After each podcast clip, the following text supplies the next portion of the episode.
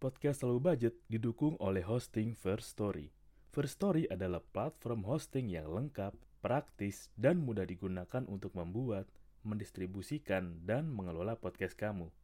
First Story 100% gratis.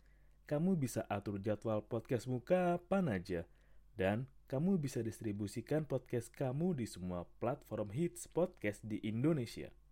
First Story punya fitur keren yang bisa membuat kamu lebih dekat dengan pendengar kamu loh. Sudah penasaran belum sama First Story? Eits, ada lagi nih.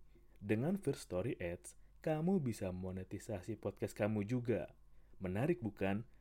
Gapai potensi maksimal podcastmu dengan tools dari platform hosting terbaik untuk para podcaster. Daftar sekarang di First Story. Mari bawa mimpi podcastingmu menjadi kenyataan.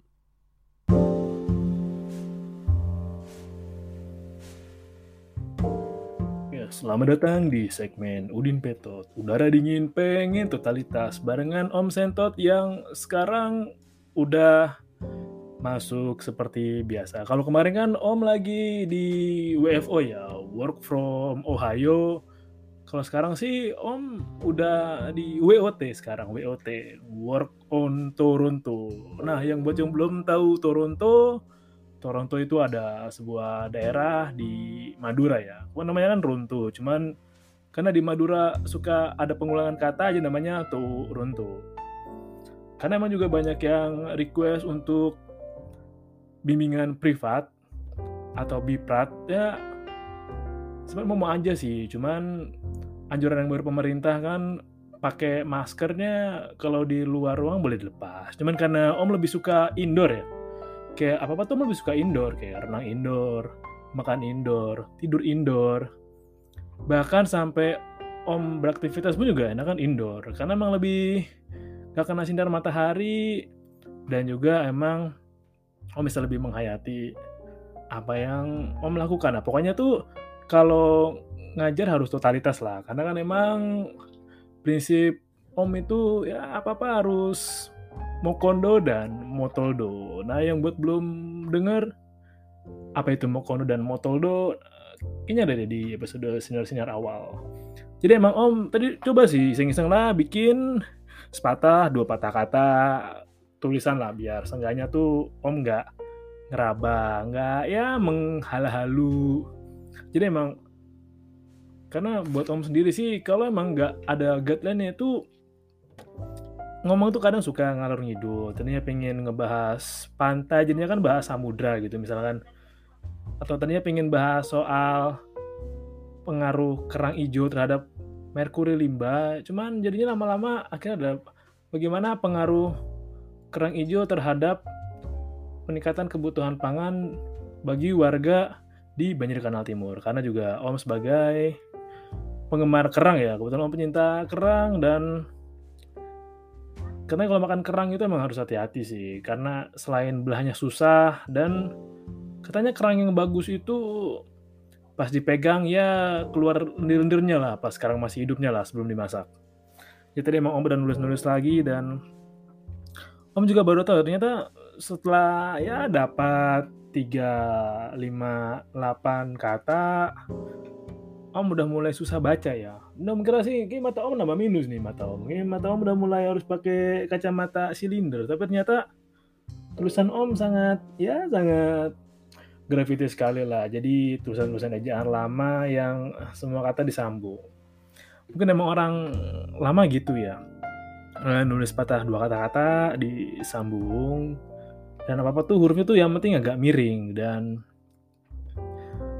nama juga warna ejaan lama pasti ejaan lama tuh kalau dulu om masih suka juga sih nulis sih. Kayak misalkan makan dulu jadi makan duel duelwe ya om mencintai ciri khas dari kosakata di Indonesia. Karena juga kan om lama merantau dari Ohio jadi ya akhirnya tidak ada yang lebih menarik dari merindukan kenang-kenangan yang ada di tanah air. Dan Om pengen juga sih sambil berbagi backsound yang Om dengerin jadi entah kenapa sih Om lagi pengen banget denger lagunya Avril Lavigne dan Avril Lavigne dari dulu sampai sekarang nggak nambah tua ya. Mungkin dari Om masih SD masih kenal judi agar, masih main gundu Apollo sampai teman-teman Om udah pada kenal slot, masih sama mukanya nih, muka Avril Lavigne nih dan lagunya enak sih ternyata.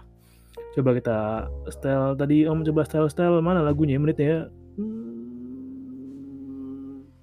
menit 26. Oke, okay. what the hell.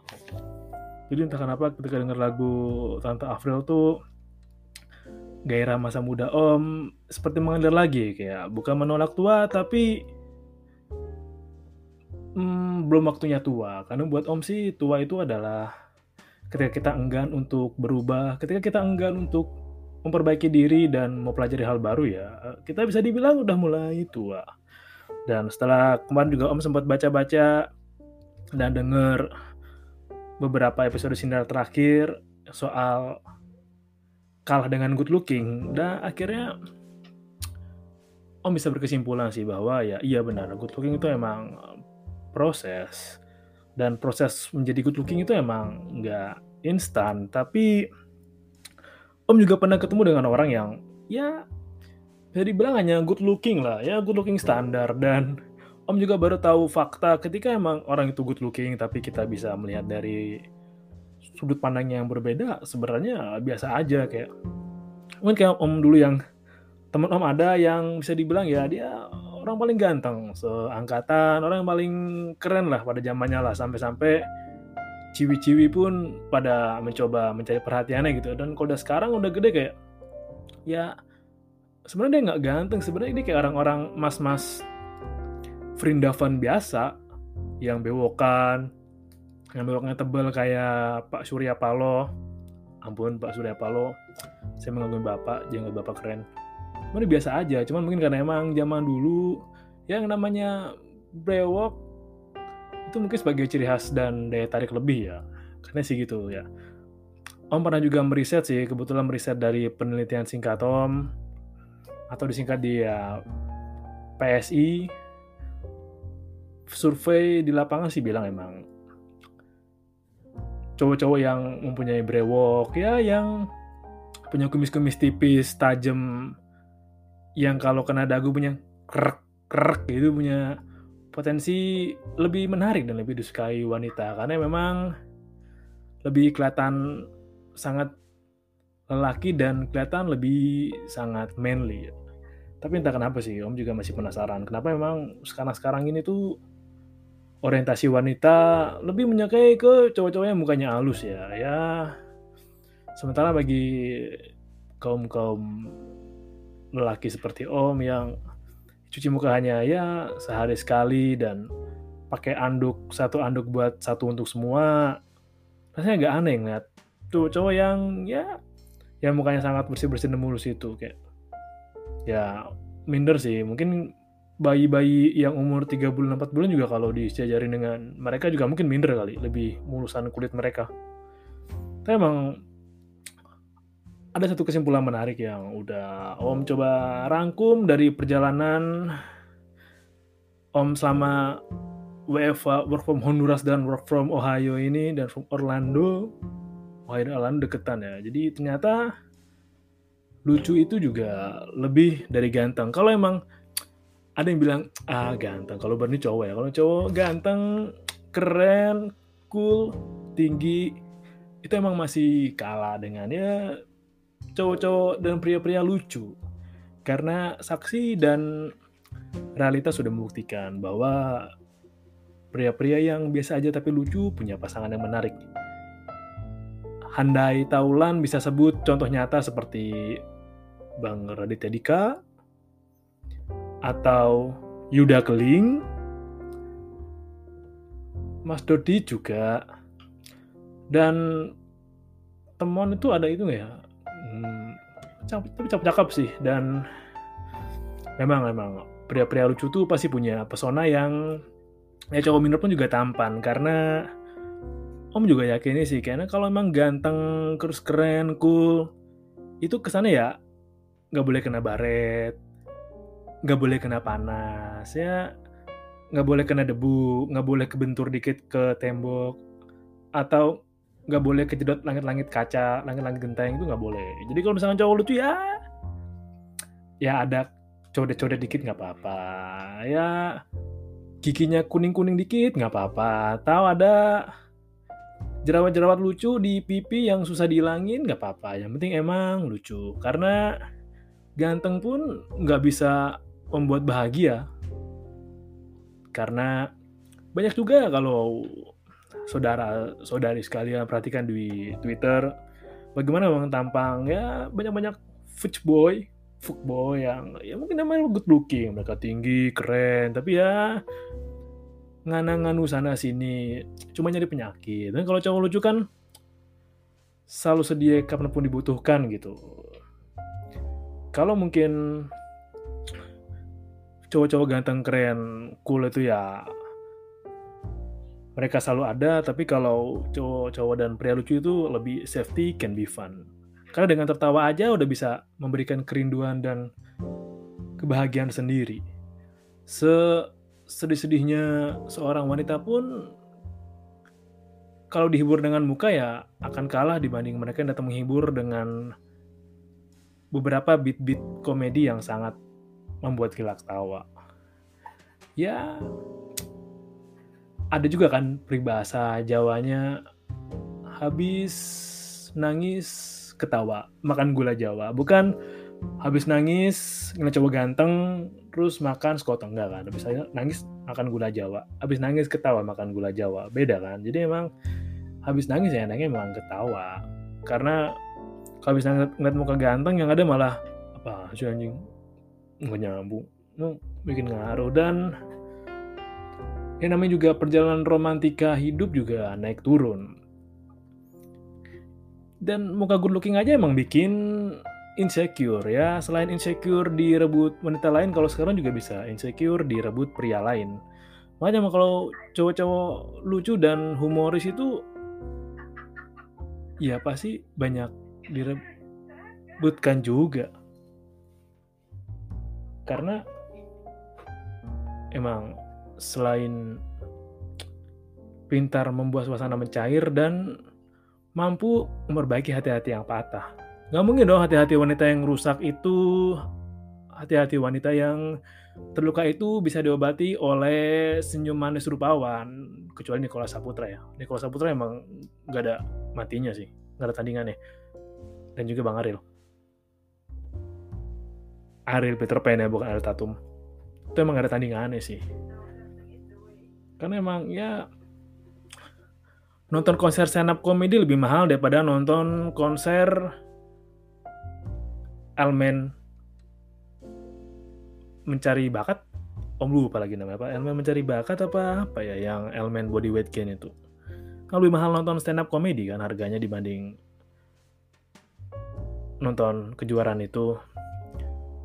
Dan Seenggaknya yang paling sering terjadi adalah bagus rupa tidak banyak apa yang ada di dalam kepala. Jadi ya ada yang tampilannya bagus, tampilannya eye-catching, tampilannya sih oke, okay, menjual. Cuman ketika diajak ngobrol, lemot.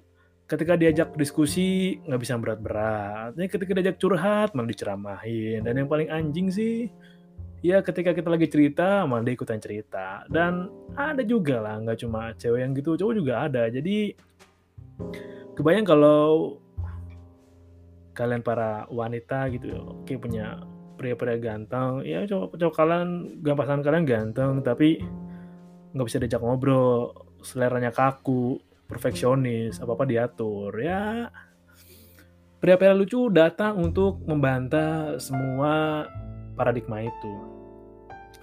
Kan emang hidup lebih berwarna jika kita bisa untuk tertawa dan mudah untuk tertawa. Banyak hal bisa ditertawakan lah, sedangkan hanya ganteng, tampan, tidak banyak yang bisa ditertawakan, kecuali menertawakan pria-pria yang tidak begitu ganteng dan berusaha berjuang dapetin Anda. Tentunya. Ya, tentunya memang lebih menyenangkan mendengarkan sepatah dua patah pantun lucu sebelum tidur eh, daripada hanya dibahas sebuah pub sebuah pub mungkin bisa tersimpan di galeri, tapi sepatah dua patah kata pantun dapat mengisi seluruh renung hati dan terbawa mimpi.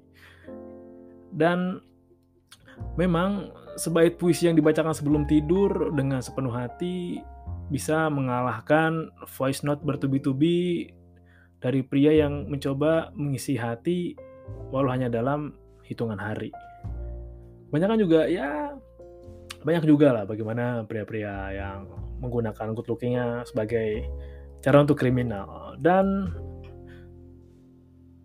cowok lucu menggunakan ini menggunakan kelucuan mereka untuk mengasah skill mereka untuk membuat calon gebetan mereka dan calon pasangan mereka terhibur. Karena memang ketika ia mengulurkan fisik good looking, ganteng, nggak bisa upgrade banyak. Tapi kalau yang lucu, tentunya bisa upgrade sebuah jokes. Yang tadinya jokes, hmm, kenapa kalau bulan puasa lebih banyak makan ayam? Karena namanya ayam sahur gitu. Sampai upgrade belajar jokes yang lu mau tahu nggak? Kenapa banyak SJW-SJW yang lahir tahun 98 atau 99 awal?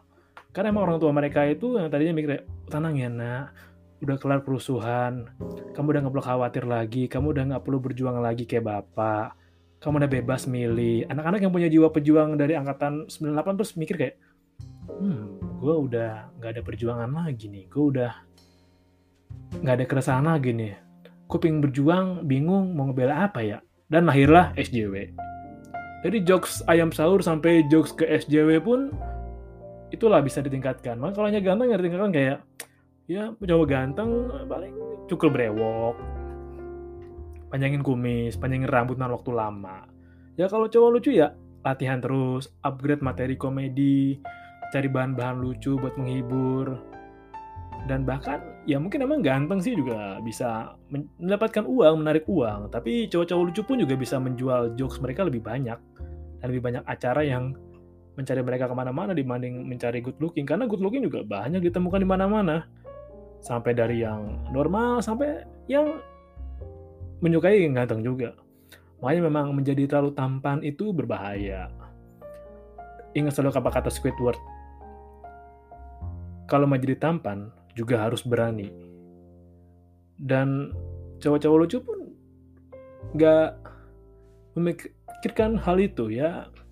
Mungkin cowok ganteng ya tampil ganteng kayak pakai outfit yang bagus, pakai jaket yang bagus, jaket branded, sepatu branded. Ya kalau cowok lucu ya sengaja jepit karena jenis chip mande itu enak kaos oblong Indomaret udah berdiri ngelucu dapat duit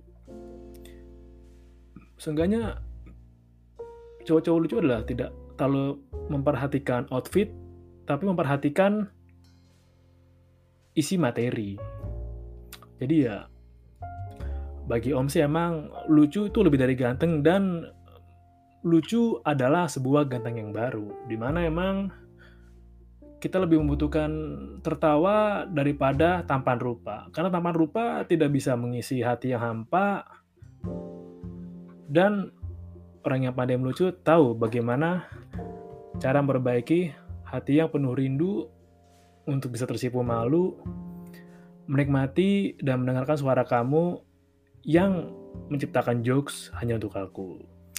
Lumayan juga lah latihan. Om belajar pantun dadakan tadi om baru belajar ya, sajak dan rima ya. Kebetulan juga masih ingat pelajaran SD itu masih ingat juga rupanya.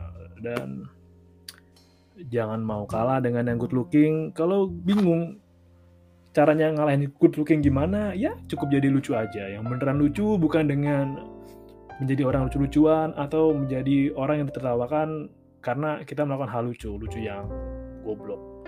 Om juga pernah bilang sih atau Om juga lupa ya bahwa menjadi lucu bukan berarti membuat diri kita jadi badu. Menjadi lucu berarti emang membuat kita bisa mendapatkan apresiasi ketika menciptakan jokes yang bagus untuk orang dan orang bisa mendapatkan hima, hikmah dan manfaat ketika mendengarkan jokes kita. Terima kasih udah dengerin dan sampai jumpa dengan Om Sentot di episode berikutnya. waspada virus Hendra, Henry atau siapa Hendrickson dan salam low budget.